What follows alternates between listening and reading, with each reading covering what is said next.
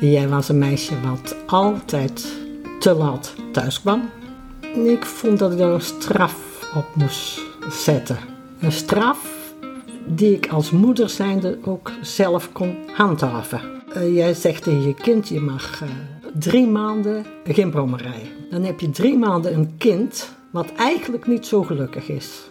En zo'n kind kan heel vervelend gaan worden. En van een vervelend kind heeft de moeder last.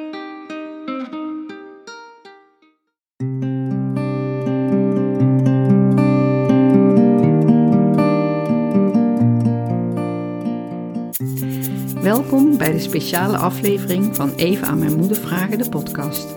In deze podcast onderzoeken we de eerste relatie in je leven, de relatie met je moeder. Vandaag praat ik met mijn eigen moeder Dini over de huisregel: een kwaaie moet gestraft, maar niet een leven lang.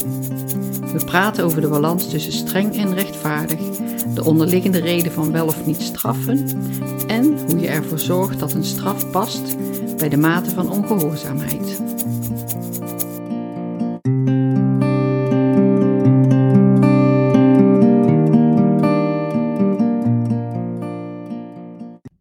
Vandaag hebben over de huisregel: elke kwaaie moet gestraft worden, maar niet een leven lang. Maar wat betekent deze huisregel precies? Dat is een huisregel van mijn moeder. En moeder vond, als je iets gedaan had, moest je wel gestraft worden. Maar het moet niet je leven lang nagedragen worden. Dus er zat een maat aan, aan die regel. Zo zou het kunnen stellen, ja. Wanneer gebruikte zij die regel bij jou? Niet, denk ik. Ik denk dat ik een uh, heel braaf kind was. Kun jij je nog herinneren wanneer je die bij mij hebt gebruikt vroeger? Zeker weten. Jij was een meisje wat altijd te laat thuis kwam. Ik vond dat ik daar een straf op moest zetten. Een straf die ik als moeder zijnde ook zelf kon handhaven. Uh, jij zegt tegen je kind, je mag uh, drie maanden geen brommer rijden lever, lever je sleutel maar in. Dan heb je drie maanden een kind wat eigenlijk niet zo gelukkig is. En zo'n kind kan heel vervelend gaan worden. En van een vervelend kind heeft de moeder last.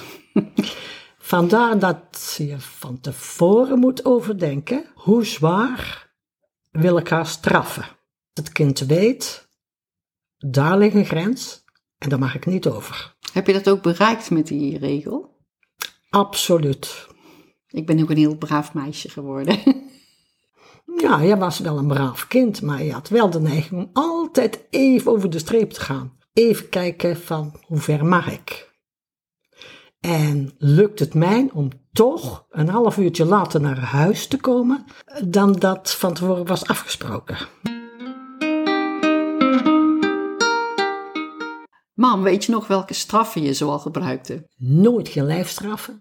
Sowieso niet een straf die conform de ongehoorzaamheid stond. Dus niet een kopje is per kapot gevallen. Nou mag je drie weken niet aan de klokhuis kijken bijvoorbeeld. Want dat kan iedereen gebeuren. Daar werd ook nooit lelijk over gedaan. Maar wanneer je dus echt beloofd had om 12 uur thuis te zijn. En het was kwart over twaalf. Dan kreeg je daar een straf over. En dat komt dan voor dat kwartiertje in de week zijn. Maar als je anderhalf uur te laat uh, thuis kwam, dan werden het weken. Dat weet ik nog. Mochten we niet gaan dansen en zo op zondag. Nee. Geen soirée. Nee. Ik weet je nog van de sigaretjes? En of ik dat weet. Ja, dat was mooi. Toen kwam de buurvrouw en die zei: uh, God, buurvrouw, ik heb jouw tweeling gezien en die stonden te roken. Ik heb er niet op gereageerd.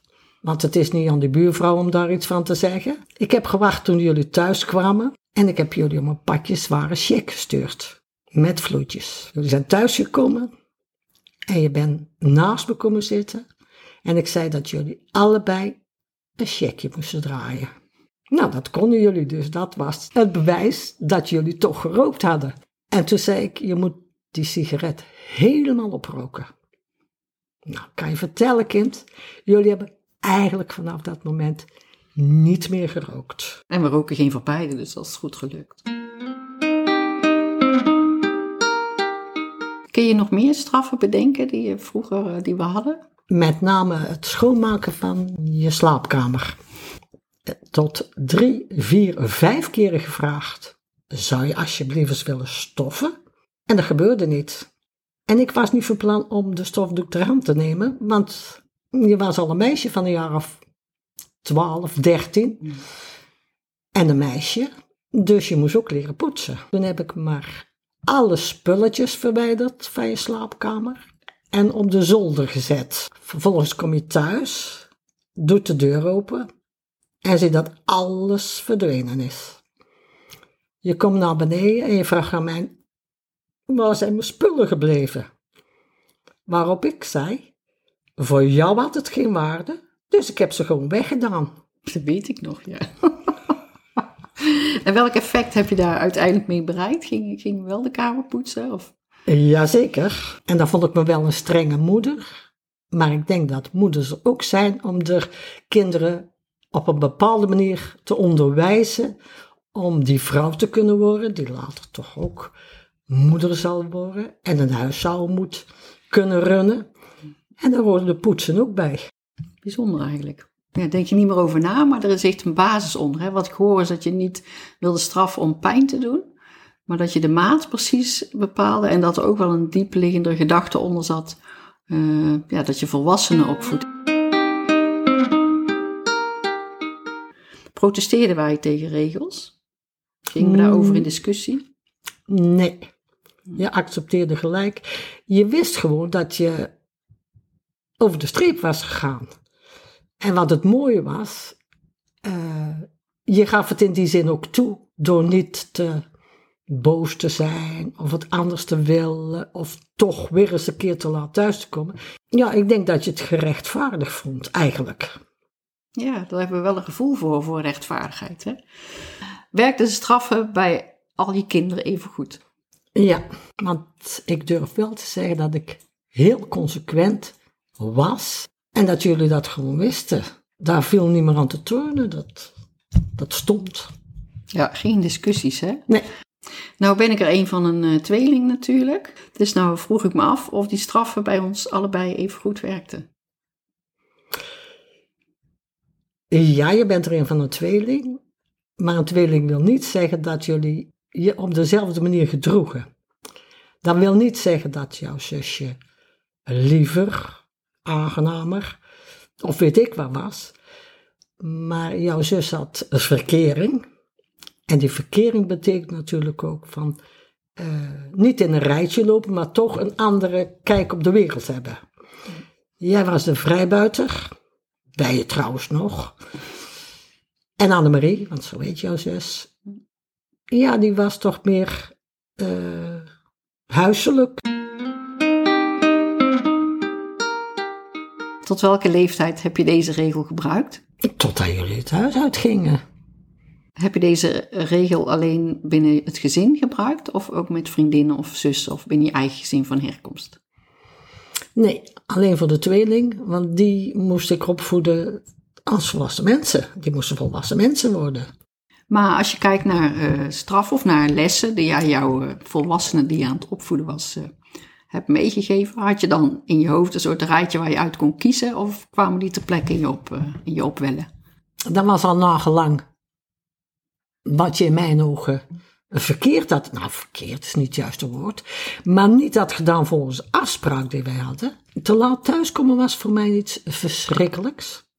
Want het is niet alleen dat je over de tijd heen loopt, maar jonge meiden en mooie jonge kinderen, daar kan van alles mee gebeuren.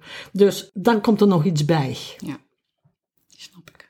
En als je dan te laat thuis komt, dan moet je wel vreselijk blij zijn dat er niks is overkomen. Maar angst en boosheid, die bepaalden de strafmaat. Die heb ik natuurlijk pas echt begrepen toen ik zelf generatie had. toen ik zelf kinderen had. Want de eerste vijf minuten dat je kind te laat wordt, dan denk je nog, het is weekend, mooi weer, laat maar zitten.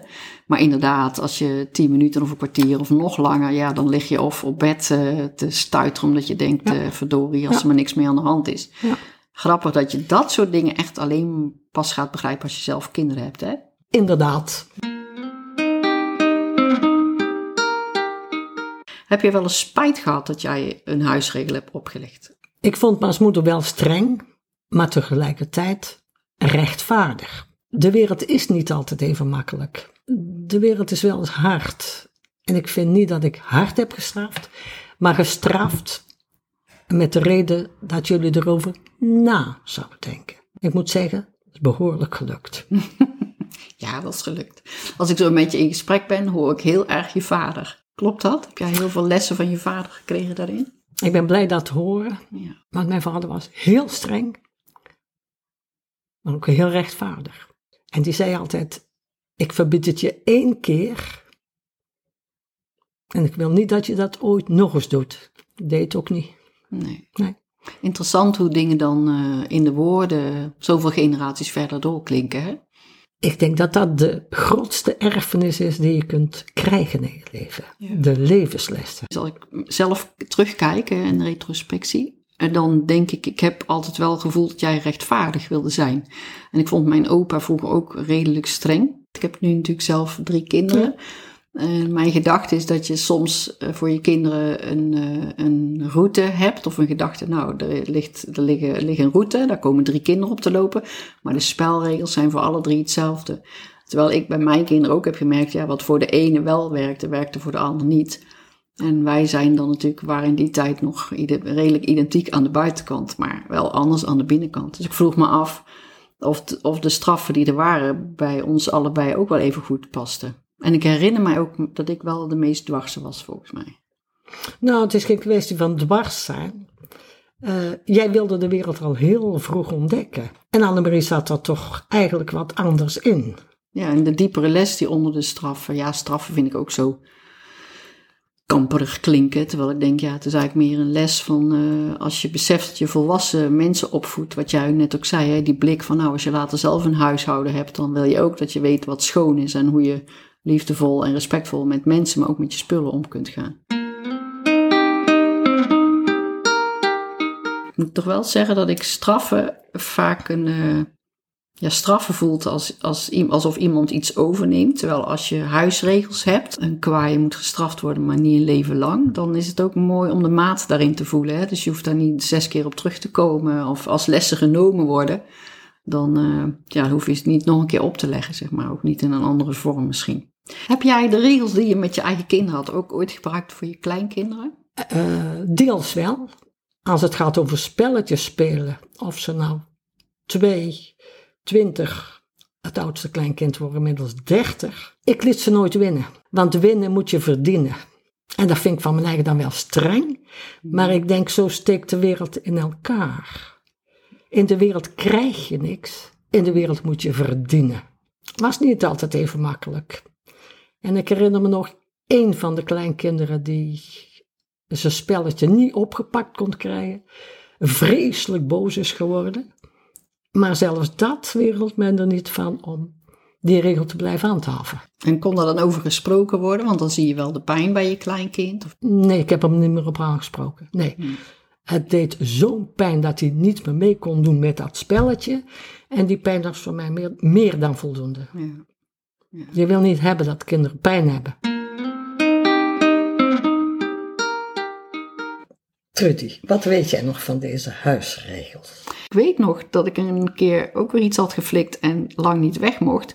En dat we in die periode 16 werden en dat de opgeknapte brommetjes al in de schuur stonden. En dat ik wist, shit, ik heb nu niet goed in de toekomst gekeken. Want in die zes weken die ik nu opgelegd krijg aan huisarrest, eh, ja, zou ik eigenlijk op mijn 16e verjaardag met mijn brommertje weg mogen. En dat je echt tot de verjaardag zelf in de lucht liet hangen of dat ging gebeuren of niet. En ik kreeg gewoon mijn sleutel. Dus zo heel erg streng was je dan misschien toch weer niet. Maar dat niet dan een week van tevoren laten merken. En ik weet nog dat ik bij jou dan ook niet kon peilen. Gaat ze me nou echt morgenochtend mijn, eh, op mijn verjaardag die sleutel geven of niet? Maar ik heb hem wel gehad. En wat ik ervan geleerd heb, is dat je, ja, dat je aan het denken gezet mag worden. Ja, straffen is misschien. Ik vind straffen nog steeds een moeilijk woord. Maar dat ik denk, het gaat ook over of je je kinderen aan het denken kunt zetten. Over oorzaak en gevolg. En over lange termijn geluk. En over eh, dat als je vandaag een keus maakt, dat je dan ook kiest voor die zes weken niet weg met je brommer. Ja, daar leer je van. Dus dat is wel een. eh, uiteindelijk heb je daar wel effect mee bereikt, denk ik zelf. Ik weet nog met dat, ik, dat we op zondag bakjes koffie deden. En dat je goedemorgen moest zeggen. Ik heb ooit wel eens gepresteerd en ik weet niet waarom niet. Maar dan zei ik geen goedemorgen. En dan weet ik nog dat oma, dat ze dan net deed alsof je nog niet binnen was. En dan dacht je echt, wat de hek heb ik nu niet goed gedaan. Maar ja, je had niet aan de regel gehouden dat je gewoon fatsoenlijk goedemorgen moest zeggen. Ik kon maar op één manier oplossen. En dat was dan door de achterdeur eruit. En dan langs het gangetje terug naar voren. Weer aan de bel. En dan werd er gewoon vriendelijk open gedaan. En dan was het echt, goedemorgen oma. Nou, en dan, dan kon oma ook echt zeggen, oh kijk, als Trudy is er ook, wat gezellig. Nou, Trudy, wil jij een beetje champagnepils, kind? Een bakje chips erbij? Dus het gaat, je kunt het aanvankelijk voelen als een straf, maar ik heb er zoveel van geleerd. Heb je deze huisregel meegegeven naar de volgende generatie, Trudy? Nou, ik denk dat ik wel ehm, misschien niet letterlijk de huisregel heb meegenomen, maar wel de wijsheid van het uh, waarom je vindt dat je je kind aan het denken mag zetten. Dus dan vervangen we weer het woord straffen door levensles en aan het denken zetten. En dat heb ik met mijn kinderen wel gedaan. Ja, volgens mij wel. Ik heb het helemaal niet zo streng ervaren eigenlijk. Wel heel rechtvaardig denk altijd, kinderen denken altijd, ik word gestraft, want mijn moeder heeft de pest aan mij. Hè? Dat denk je vooral als je in de puberteit bent. Uh, terwijl je dan pas vele jaren later met terugwerkende kracht begrijpt, eerst ben je ongerust, uh, dan uh, word je pissig. dan heb je de neiging om de, hele wijk door te fietsen van waar ligt dat kind in die sloot. Want in je hoofd gaan er gewoon scenario's spelen. Dus dat ben ik pas later gaan begrijpen. Ach, verstand komt niet voor de jaren, kind. Wat ik fijn vind aan jou is dat je heb begrepen dat alle maatregelen uit pure moederliefde ontstonden. Met terugwerkende kracht maar. Bedankt voor het luisteren naar Even aan mijn moeder vragen de podcast. Wil je meer weten over ons? Ga dan naar www.evenaanmijnmoedervragen.com of volg ons op Instagram. Tot gauw!